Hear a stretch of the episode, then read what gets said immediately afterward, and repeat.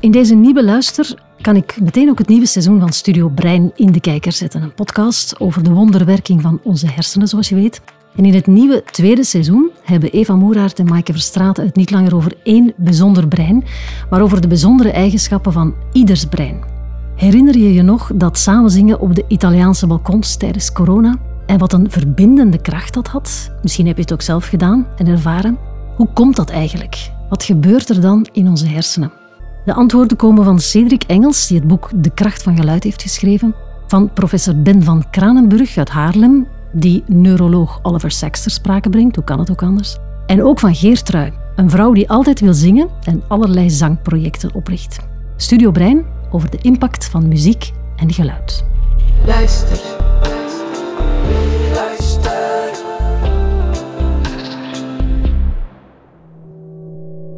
Als ik iets ontzettend ingewikkeld moet doen, Eva, of iets dat ik vrij spannend vind, een lezing of een workshop of naar een nieuwe groep, dan leg ik in de auto altijd hetzelfde nummer op, namelijk van de soundtrack van Amélie Poulain, Ja? La Valse d'Amélie. En als Ah. ik dat door, dat is gewoon conditionering, dan denk ik, oké, alles is in orde. Daar word ik helemaal rustig van. Zalig. Is dat dit? Ja, Hopla. ik voel het al. dat is toch niet te doen wat dat muziek kan doen? Ja, echt waar. Zijn je nu ook zenuwachtig voor onze eerste aflevering terug? Nee, het gaat wel. een beetje, een beetje. Maar kijk, nu dankzij Amélie Poulain. Ja, is beter. Ik heb eh, een geluid meegebracht vandaag. Want ik ben eh, op reis geweest in de tussentijd, tussen Ah, onze ja. twee seizoenen. En ik ga altijd gaan wandelen met vriendinnen in de bergen. En, eh, en wat ik doe, is met mijn dictafoon van mijn iPhone soms geluiden opnemen die ik fantastisch vind. En er is één geluid dat ik opgenomen heb, 's morgens vroeg, door het raam van mijn berghut, midden in de Vogezen. Ik ga het een keer laten horen. Hè. Ja. Oh, dat is de max. Zijn dat koeien? Ja, Maar jong. Oh, ik ben daar gewoon. zalig hè?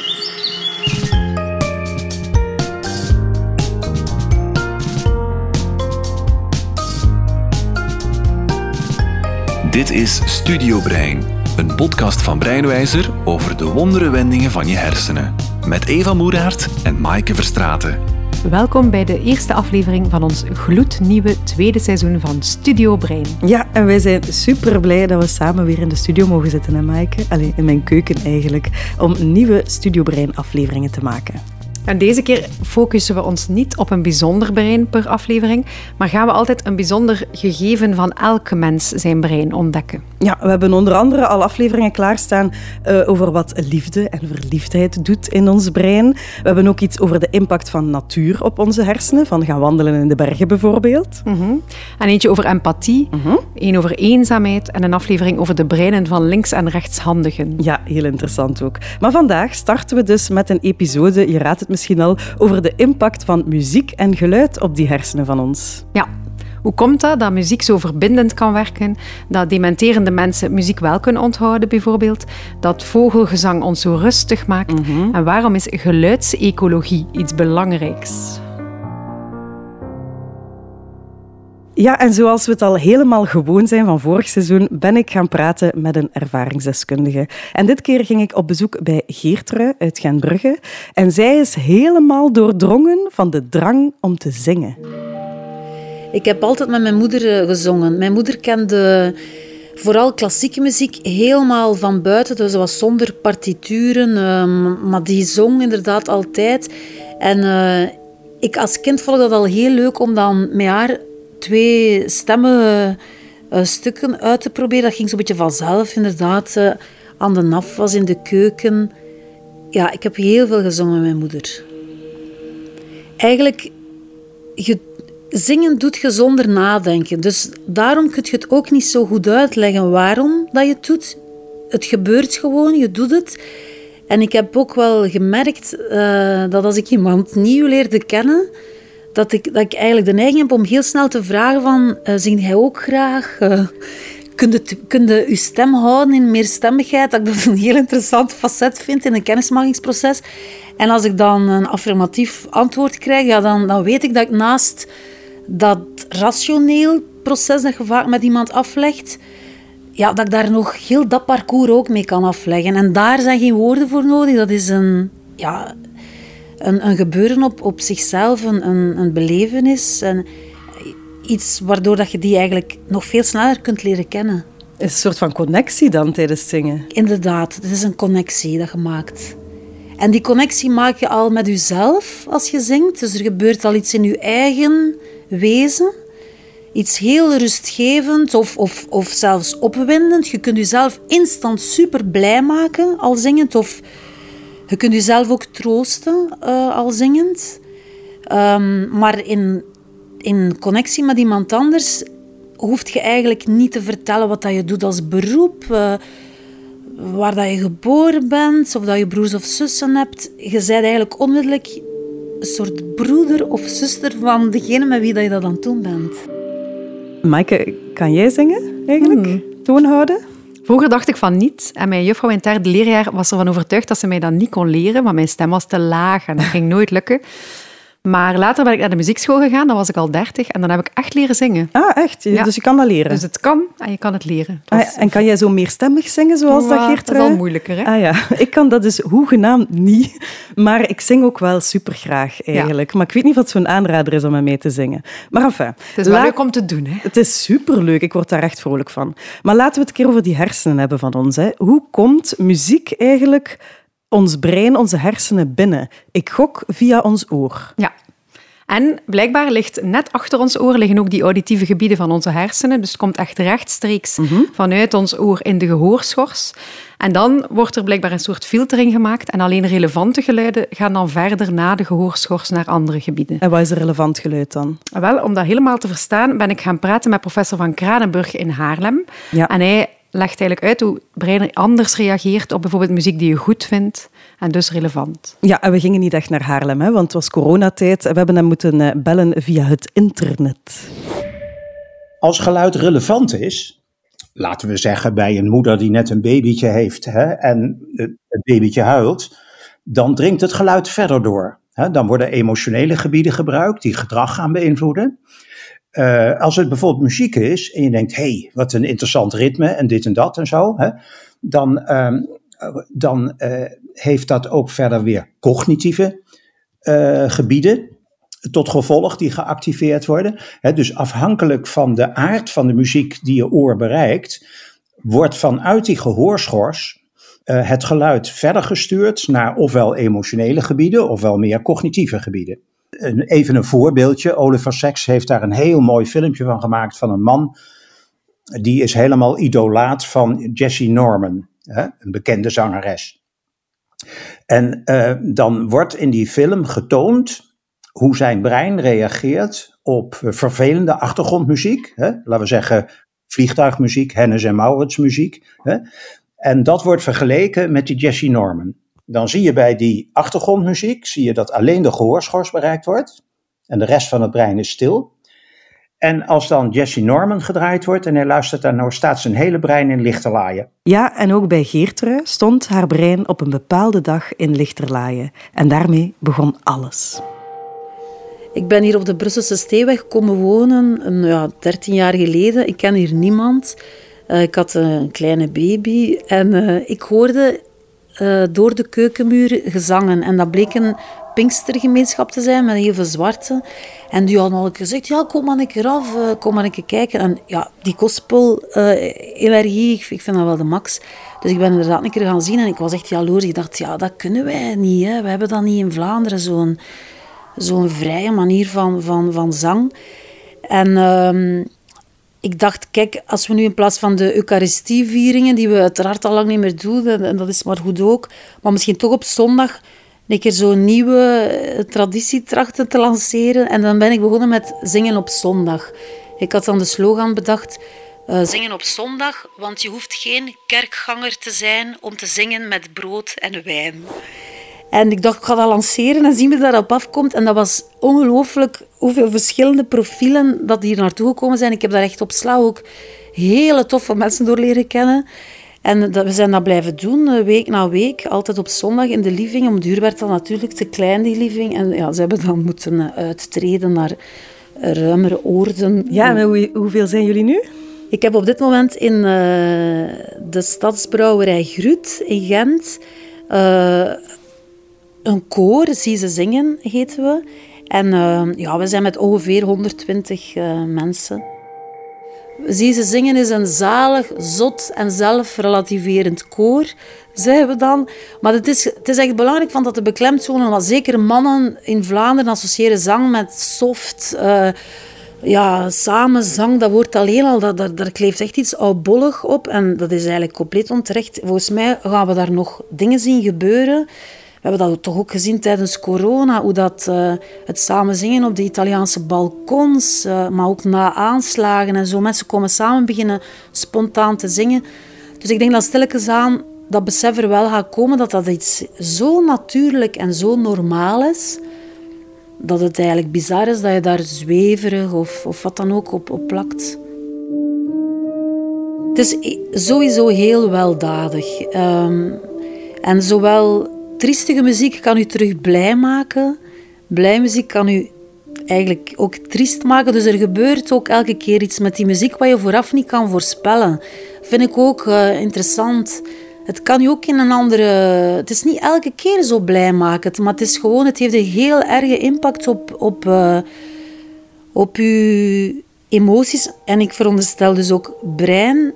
Uh, dus het is, het is elke keer een, een, Ja, het klinkt misschien weer wat zweverig, maar het is toch een soort reis die aflegt waar je op voorhand niet goed weet waar dat gaat uitkomen. Het is altijd heel boeiend. Ja, zo ziet het toch ook duidelijk dat de emotionele impact van muziek ontzettend groot kan zijn. Eigenlijk uw Anneli Poulain, hè? Voilà. En uh, professor Van Kranenburg vertelde een heel mooi verhaal over zijn moeder en de Matthäus-passie. Heel veel mensen worden niet warm of koud van een Matthäus-passie, maar mijn moeder emotioneerde dat. Ik ben er dus zeker van dat bij mijn moeder uh, emotionele gebieden in het brein als in de neurowetenschappen noemen we dat het limbische systeem. Maar in, in, in ieder geval, dat is een bepaald gebied uh, wat, uh, wat vooral geactiveerd wordt wanneer een, een, een stimulus, om zo maar te zeggen, een sterke emotionele lading heeft. Oké, okay, maar niet enkel de emotie, maar ook de connectie tussen mensen die samen muziek maken of zingen, valt heel erg op in het verhaal van Geertruid, toch? Ja, inderdaad. Een theorie is bijvoorbeeld dat muziek in de evolutie is ontstaan juist om die sociale verbinding of cohesie te bevorderen tussen mensen. Denk maar aan uh, strijdliederen en regendansen. Ja. dus dat mensen samen dingen gingen doen om de goden te verzoeken of om sterk te staan, omdat ze iets moeilijks moesten gaan doen. En die muziek, of het feit dat ze dan samen trommelden of geluiden maakten, dat zou dus gemaakt hebben dat dat groepsgevoel zo sterk was en dat ze zich dus ook krachtiger voelden. En misschien is dat zelfs ouder dan taal, zei professor van Kranenburg. In het brein heb je niet een gebied voor sociale cohesie. dus dingen zitten niet op één plek. Je, het enige wat je kan zeggen is er zijn cruciale knooppunten. En zoiets als sociale cohesie, daar zijn in ieder geval twee gebieden heel belangrijk. Dat is de prefrontale schors, helemaal aan de voorkant, achter je voorhoofd. En dat is weer dat limbische systeem, die twee gebieden. Dat is interessant. Ze hebben in mijn vakgebied dan experimenten gedaan met sociale uitsluiting. Dus dat is het omgekeerde van sociale cohesie. Dus eh, stel je voor, hè, er zijn kinderen aan het voetballen op het, uh, op het uh, schoolplein. En één kind mag niet meedoen. En nu ga je dus kijken in dat brein van dat kind. En dan blijkt dat er gebieden in het limbische systeem oplichten, dezelfde gebieden, als die ook oplichten bij pijn. dus dat is een negatieve emotie dus sociale uitsluiting is een negatieve emotie, waarbij je ziet dat bepaalde uh, knooppunten in het brein die voor emoties van belang zijn, het limbische systeem, die zie je heel duidelijk oplichten. Uh, ik weet niet of daar ooit experimenten mee gedaan zijn. Zingende mensen, de mensen die samen zingen vergeleken met mensen die alleen zingen, maar het experiment is uitvoerbaar. Uh, ik heb het nooit gelezen, maar ik vermoed hè, dat je dus sterk zal zien dat die emotionele delen van het brein en die prefrontale schors, die ook met handelen te maken heeft en met het plannen, samen iets plannen, dat die daar belangrijk zijn. Maaike, is er eigenlijk een verschil in ons brein tussen muziek luisteren en zelf muziek maken of een instrument bespelen? Bespeel jij een instrument eigenlijk? Nee. Nee, zoals ik goed kan zingen, kan ik ook geen enkel instrument. De triangel misschien. Ja, blijkbaar jammer. Ik, ik kon het wel, maar ik doe het al lang niet meer. Maar eigenlijk is er dus blijkbaar een heel groot verschil. Als we muziek maken, wordt ons brein op veel meer manieren geactiveerd. En zeker als we muziek maken met andere mensen. Ah ja. Ten eerste beweeg je. Ja? En bewegen is natuurlijk, ja, dat is een vreselijk belangrijk iets. Bewegen op zich heeft al een enorme invloed op, op de plasticiteit van het brein bijvoorbeeld. Hè? Dus door beweging verandert er van alles. Naast dat bewegen uh, heb je het gehoor natuurlijk. Je hebt het zien, je moet de noten zien, je moet de dirigent zien, je moet je medespelers zien. Je reageert op elkaar, je reageert op gezichtsuitdrukkingen. Hè? Dus het visuele zintuig is heel belangrijk. En denk dan, dan eens aan de tast. Ik zelf speel klarinet en piano.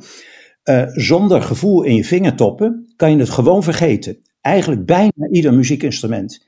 Als je geen gevoel in je vingertoppen hebt, hè, dus de Duitsers zeggen dan vingerspitsengevoel, hè, eh, de vingertopgevoel, uh, dat is dus essentieel voor, voor die vaardigheid. En dan tenslotte, wat er ook nog bij komt, als jij bijvoorbeeld van noten speelt, of als jij uh, een of ander muzikaal werk speelt, dan is het van belang dat je de muziek begrijpt. Dus behalve dat bewegen en al die zintuigelijke informatie, komt er cognitie bij. Ja, ik ga toch dringend ook zelf muziek moeten beginnen maken. Hè? Maar wat een workout voor het brein, zeg. Terug naar Geertrui, want ik zei het al, haar leven wordt beheerst door zingen en muziek. En ze gaat daar nog veel verder in, want ze startte onlangs een project om met oudere mensen te gaan zingen. We zijn begonnen met Old School TV. En dat is eigenlijk een community om oude mensen met jongere generaties te verbinden. wij doen al allerlei... Uh, experimenten in rusthuizen. Maar we zijn ook uh, begonnen met uh, ja, een soort gospelkoor, noemden we het dan, omdat we een beetje dezelfde zottigheid wilden losmaken bij die, bij die uh, bewoners. En we hebben inderdaad gemerkt dat daar heel veel speelsheid is, ook heel veel ehm, goesting om te improviseren. En soms als wij rock and roll eh, speelden, eh, als, of, of uh, rock and roll in ons zangrepertoire staken, dan, dan zag ik dat er daar effectief plotseling in op staat en een geweldige improvisatie begint te doen. Je hebt er natuurlijk bij die ja, bijna ja, die, die daar ook komen bijzitten en, en ook dement zijn, maar dan toch op hun manier heel erg meegenieten. In ons koor zijn, zijn er mensen die dement zijn en ook, ook mensen die nog heel, heel wakker zijn. Maar bij allebei zie je gewoon dat die muziek herinneringen naar boven brengt. En soms dat heel emotioneel. We hebben in het koor uh, onder andere het tuinpad van mijn vader gezongen. Langs het tuinpad van mijn vader. En toen was ik zelf echt heel uh, geëmotioneerd, omdat je gewoon aan de ogen kon zien dat die herinneringen van de kindertijd uh, naar boven kwamen. Zeker als je dan dat stuk hebt van het tuinpad van mijn vader. Ik was een kind, hoe kon ik weten dat dit ooit voorbij zou gaan? En dan zie je gewoon dat besef. Uh, ja, ik heb even moeten stoppen met zingen, omdat het was zo intens. Ook daar weer hebben we gemerkt dat dat een hele efficiënte manier is om connectie te maken met die bewoners. Als je een ander soort animatie zou doen of wat dat je daar ook zou voorzien aan, aan uh, concepten. Je zingt een aantal keer samen en het is alsof je elkaar eigenlijk al heel lang kent. En je kunt ook heel goed zien wie, wie heeft er humor, wie is er een beetje serieuzer, wie is er timide, wie is er introvert, extravert. Je ziet dat allemaal, al zingend en... Uh, dat is plezant. En zij, zij vinden het ook heel prettig dat je terugkomt. Dat het geen losse animaties zijn, maar dat je keer op keer terugkomt, dan wordt het een beetje, dan wordt het een beetje familie. Hè. Ja, en ook tijdens die corona-lockdown van de afgelopen maanden wilde Geertrui niet stoppen met zingen en vond ze een nieuw concept uit, de zangbuddies. Dus het komt erop neer dat je eigenlijk uh, zangbuddy kan worden van één rusthuisbewoner en dat je om de twee weken een van de lievelingsliedjes zingt voor een van de bewoners. En daar ook een soort persoonlijk inleidingsje bij geeft van kijk, uh, ik ben Geertrui en uh, ik woon in Gent, maar ik heb gehoord dat jij daar woont. Ik heb gehoord dat jij graag ijsjes eet of dat je huisdieren hebt of dat je vroeger veel reisde. Um, en dan doe je die vertellingen, dan zing je en is de bedoeling dat je de rusthuisbewoner doet meezingen niet verplicht, maar je, geeft toch wat, aanleiding om dat te doen. We hebben dus van een aantal ergo's van uh, Trusthuis filmpjes teruggekregen, waarin dat we zien dat die dus echt ja, vol een bak meezingen. En ja, dat doet ongelooflijk veel deugd, omdat je, we zijn ondertussen al met een groep van meer dan 100 zangbuddies. Dus we kunnen eigenlijk al 100 uh, rusthuisbewoners bedienen in met muziek. En het is natuurlijk de bedoeling, als alles weer veilig is, dan gaan we een keer een, een live event doen met de buddies en de bewoners. Dus dat is wel uh, super tof. We gaan beginnen met een liedje uit 1935. Ja, geschreven door Willy Derby, later ook gezongen door Jo Leemans. Het is een heel mooi liedje. En als je het muziekje voelt? Dan moeten ze wat meewiegen, hè, Jacqueline? Als de lente de bomen en struiken weer met geuren en kleuren bestrooit, dan begint ook het... Heerlijk zeg. Ik wil ook zo'n zangbuddy worden. Ja. Of hebben, hebben. Dat zou ook heel leuk zijn. Ja, en heb je gehoord, Maaike, dat, dat, dat laatste fragment, dat is Pieter Embrechts en zijn zus Tine Embrechts. Die zijn ook zangbuddies. Oh, de max. Ja.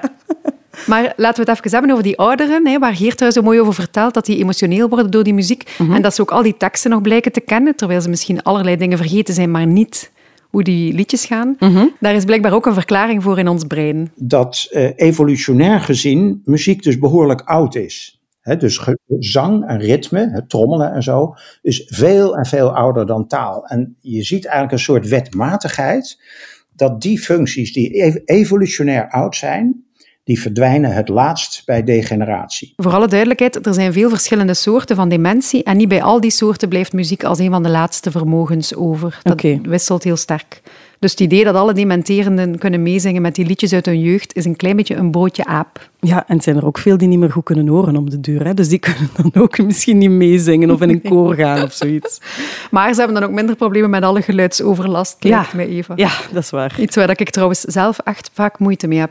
Zoals de slechte achtergrondmuziek in mijn supermarkt of zo. Oh. Ja, die de muzak. Ja, maar gelukkig zijn er daar dus ook mensen mee bezig. Dat heet dan geluidsecologie, blijkbaar. Mo, vertel. Ja, hoe een stad klinkt, of een ziekenhuis, of een gebouw, kan dus heel belangrijk zijn voor hoe wij ons voelen ook. En daarover ging ik praten met Cedric Engels, en dat is de auteur van het boek De Kracht van Geluid. Als we nu even luisteren hier in de omgeving, ik weet niet of het voor de luisteraars duidelijk is thuis, eh, of in de wagen, of ik weet niet waar Wacht, we nu we gaan een zitten. keer twee, minuten eh, twee seconden stil zijn. Hè?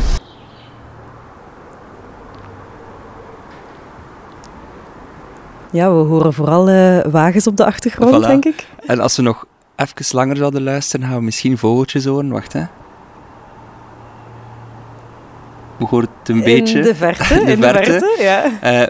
Maar dat is misschien wel direct ja, een goed aanknopingspunt. Want we horen effectief die twee zaken. Hè. Je hebt, hebt de wagens hier eh, op eh, wat is het, 100 meter afstand van ons. Dat is voor mij dus ook noise. Ehm, maar als we dan kijken nu in deze periode van corona, wat is er opgevallen? We horen veel meer de birdsong, hè, de vogeltjes, de natuur die eh, opnieuw zuurstof krijgt. En daar heb je eigenlijk ook wel de link met de psychologie. Eh, de birdsong is ook eh, een bepaald eh, gegeven of een bepaald syndroom, zeg maar. Als we vogeltjes horen fluiten, dan voelen we ons op ons gemak. En dat heeft ook wel een, een historische link. Ja, vroeger, als er vogeltjes waren die aan het fluiten waren, was er dus geen T-rex of Geen was gevaar. er geen, geen gevaar, geen, geen tsunami of, of geen andere gevaren eh, die, die om de hoek kwamen schuilen. En dat geeft ons ook het gevoel van rust en we zijn op ons gemak. En dat is mij dus ook opgevallen die afgelopen twee maanden. Ja, hoorde ik gewoon veel meer vogeltjes fluiten en veel minder autostrade. En nu is het leven al wat weer eh, erop gestart. En dat vond ik altijd ook zo, zo boeiend. ehm, dat de natuur dus ook wel daar die, die rol in speelt. Ja, maar dat geluid, die noise van die wagens, hè, dat is helemaal niet rustgevend. Hè? Maar wij horen dat overal. Is er een soort gewenning ook aan, aan noise? Ja, voilà. Ik denk dat die gewenning er sowieso is. We zijn zodanig gewoon. Eh, mensen die aan de spoorweg wonen, zullen na verloop van tijd zich ook niet meer ergen aan een trein. Maar wat er daar belangrijk is, is dat in ons onderbewustzijn, maar ook gewoon fysiologisch dan, doet dat iets met ons. Dat geeft ons stress. Eh, als je bijvoorbeeld in een restaurant zit waar er heel veel gekletter is of de akoestiek is slecht, of je werkt in een, een open space met heel veel prikkels, je bent dat al gewoon helaas. Eh, maar dat geeft dus ook wel ja, een, een hormoon dat vrijkomt, cortisol. En dat zorgt ervoor dat je opgejaagd bent, dat je sneller vermoeid bent, dat je minder kunt focussen. Dus we staan er gewoon meer bij stil. Eh, en daarom, in mijn boek start ik ook van wat is nu de impact van geluid, Eh, ook hormonaal dan, om zo de bewustwording te creëren. En pas dan, als we beseffen wat het allemaal doet, kunnen we er ook iets tegen doen. En zeker in de steden, uh, stad Gent bijvoorbeeld, is daar wel al veel in verbeterd. Maar daar zie je ook dat die geluidspollutie een negatieve impact heeft, ook op de natuur. ik wil niet romantisch klinken, maar de vogeltjes, ja, ze vliegen letterlijk weg. of ze beginnen hoger uh, te fluiten, omdat ze elkaar niet meer uh, verstaan en ze kunnen ja. communiceren. En uh, dat zie je ook vanuit de ornithologie, dat daar echt wel een beweging is van vogels die gewoon wegtrekken uit de steden. Um, maar ik besef ook, ja, het moet wel realistisch blijven en praktisch haalbaar om aan ja, geluidsordening te doen. Maar ik geloof wel dat we er gewoon meer bewust van moeten zijn. Ja, want hoe doe je dat dan? Moeten we allemaal op het platteland gaan wonen? Of vind jij, wat, hoe doe je aan geluidsecologie? Ja, ik snap dat dat ook uh, qua concreet antwoord moeilijker is. Maar ik denk dat het moet vertrekken vanuit uh, echt die, die ruimtelijke ordening dan. En daarom dat ik het ook ruimtelijke geluidsordening uh, noem. Dus er moet samen, samen nagedacht worden met uh, mensen die, die steden ontwikkelen of verbeteren en die er een 2.0 van maken. Er moet samen nagedacht worden met architecten. ook met, met wetenschappers en neurologen. En die moeten rond de tafel zitten en dat moet gewoon een deel van de discussie zijn. Dat moet niet de discussie zijn, maar het moet gewoon mee in overweging genomen worden. Ja.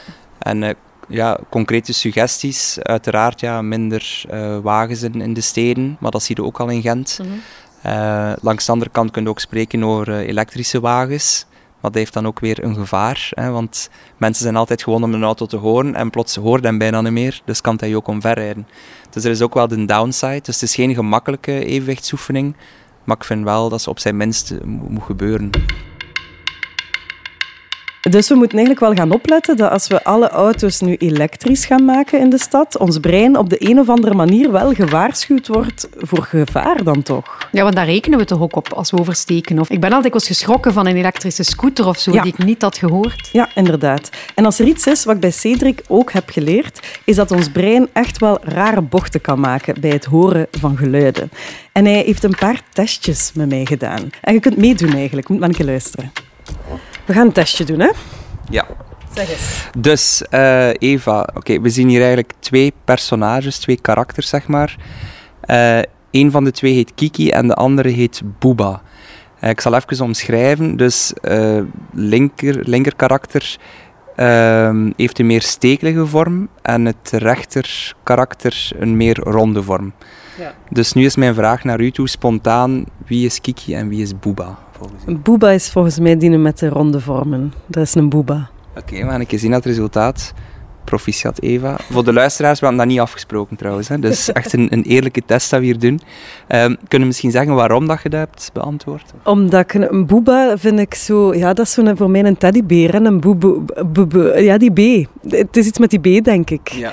En die K en die Kiki, dat zie ik een scherpere vrouw voor mij of zoiets. Ja. Met scherpe gelaatstrekken of... Allez, ja, dat is wat er gebeurt in mijn brein, denk ik. Ja, wel, dat klopt volledig. Het is eigenlijk uh, een onderzoek gedaan voor de eerste keer begin 20e eeuw door een wetenschapper Keuler. En die heeft eigenlijk aangetoond uh, dat het dus niet arbitrair is. Het zit ingebakken, ingebakken in ons DNA. Er is een link tussen het visuele en het auditieve. Hoe iets eruit ziet, heeft een weerslag op hoe iets klinkt en, uh, en omgekeerd. En het is daarna nog een keer herhaald door Ramachandran en Huber, twee andere wetenschappers. En dus meer dan uh, eh, 98% van de mensen die de test hebben gedaan, antwoorden zoals u en mij. Want ik heb het ook ooit voor de eerste keer gedaan. En de resterende 2% heeft een hogere waarschijnlijkheid um, op autisme. Dus zij switchen dat. Um, dus het is wel opmerkelijk om, om te zien. Uh, die link met taal. Dus ja. voilà, ik vind het wel een interessant experiment om de link tussen beeld en geluid dus eigenlijk ook uh, te duiden. Absoluut. Je hebt nog een testje voor mij, hè? Ja, ik heb nog een testje. Dus ik ga je iets laten horen, uiteraard. En jij moet mij zeggen wat dat je hoort. Laurel. Laurel. Laurel. Laurel. Laurel, zegt hij de hele tijd, ja. Oké, okay, dat is wel interessant dat je dat zegt, want de andere helft van de mensen aan wie de, de test is gedaan, zegt uh, Jannie. Huh? Ja. Dus dat is heel geschift. Uh, die stem die we horen is eigenlijk gecreëerd door een computer. Het is geen echte mens. De kwaliteit is ook redelijk slecht en is ook bewust. Ja. Maar het geschift hieraan is, is dat de helft van de mensen dus iets anders hoort dan de andere helft. En hoe komt dat? Dat komt omdat we enerzijds eh, een eigen audiodatabase hebben. Uh, uw geluidservaringen zijn anders dan de mijne. Ook hoe dat we dat hebben opgeslagen in ons brein is anders. Uh, het is ook anders de emotionele ervaringen die we eraan linken, maar bon, dat is nog een ander verhaal. Maar het feit dat de, de kwaliteit niet uh, optimaal is, zorgt ervoor dat wij hetgeen dat ontbreekt aan frequenties zelf gaan aanvullen, zelf gaan opvullen eigenlijk. Daardoor komt het dat sommige mensen uh, Jannie horen en anderen Laurel. Jerry. Jerry. Wat hoorde je nu? Jerry. Allee. En wat doe je? Laurel. Jerry. Ik hoor echt niet Laurel. Ik hoor Yui. Jerry. Ah, ik hoor dus Laurel. Dat kan niet. Ah, zalig. Hoe kan dat Ah, nu eigenlijk? Oké. Ongelooflijk dat toch, hè? Allee, ik zal het geluidsfragment, eh, dat is eigenlijk een YouTube-filmpje, eh, bij de show notes zetten op de website van Studio Brein. Dan kan iedereen, eh, Ja. alle luisteraars, kunnen het ook eens proberen. En laat het ons weten, hè, wat je hoort. Yui of Laurel. en het allerlaatste wat Cedric mij nog meegaf, is dat we heel goed voor onze oren moeten zorgen, uiteraard. Hè? Want dat geluid en die muziek, die kunnen ook heel schadelijk zijn voor onze gezondheid. Denk maar aan tinnitus. Hè. En ik wist eigenlijk niet goed. hè. Ik wist dat tinnitus zo'n een, een pieptoon was in je oor. Maar eigenlijk is dat ook echt breingestuurd. Mo. Het is eigenlijk zo, je hebt enerzijds het gegeven waarbij dat je trilhaartjes zijn, eh, zijn afgestorven eh, door eh, een bepaald trauma. Zijde naar Pukkelpop geweest en je stond naast een box helemaal vooraan en Ramstein komt naar voren en die doen daar een zot akkoord, waardoor dat je plots eh, een trauma hebt. Ehm, en wat dat mensen dan, dan ervaren is even een tuut.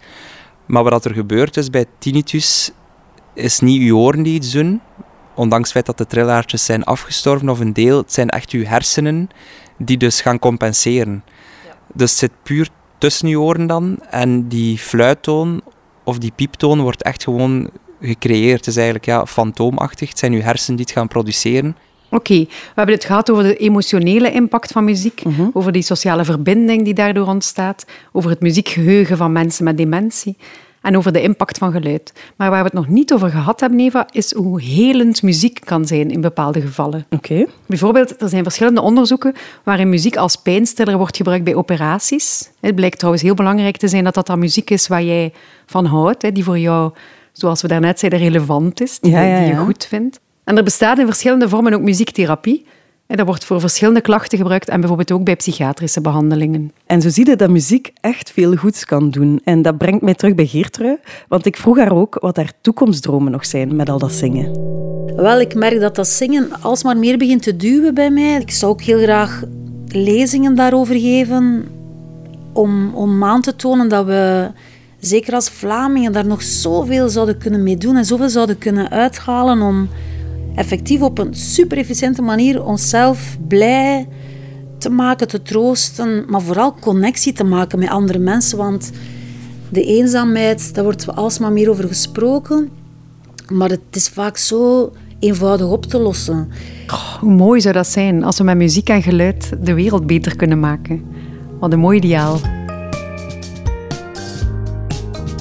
Ja, we zitten alweer aan het einde van een boeiende eerste Studio Brein aflevering van het tweede seizoen, zeg. De tijd vliegt als je amuseert te maken. Absoluut. Maar gelukkig is er over twee weken al een nieuwe aflevering klaar. En dan hebben we het over empathie. Deze podcast wordt gemaakt door ons eigenste audioproductiehuisje, het Audio Atelier trouwens. Dat zijn Maaike en ik. En ook de fantastische Sander Lambrecht. Dat is eigenlijk de beste sound engineer van Vlaanderen en omstreken. Hij bewerkte onze jingle, hij maakte alle muziek die je hoort in de uitzending en hij mixt ook alles mooi af voor ons op het einde. Het is echt een held, hè? Absoluut. En als je dat nog niet hebt gedaan, abonneer je dan op de podcast in je favoriete podcast-app en stuur de uitzending van vandaag gerust door naar vrienden of familie of deel op sociale media. Ja, en links en extra info en filmpjes en geluidstestjes zetten we allemaal bij de show notes op de website van Breinwijzer onder Studio Brein. Tot de volgende. Dag!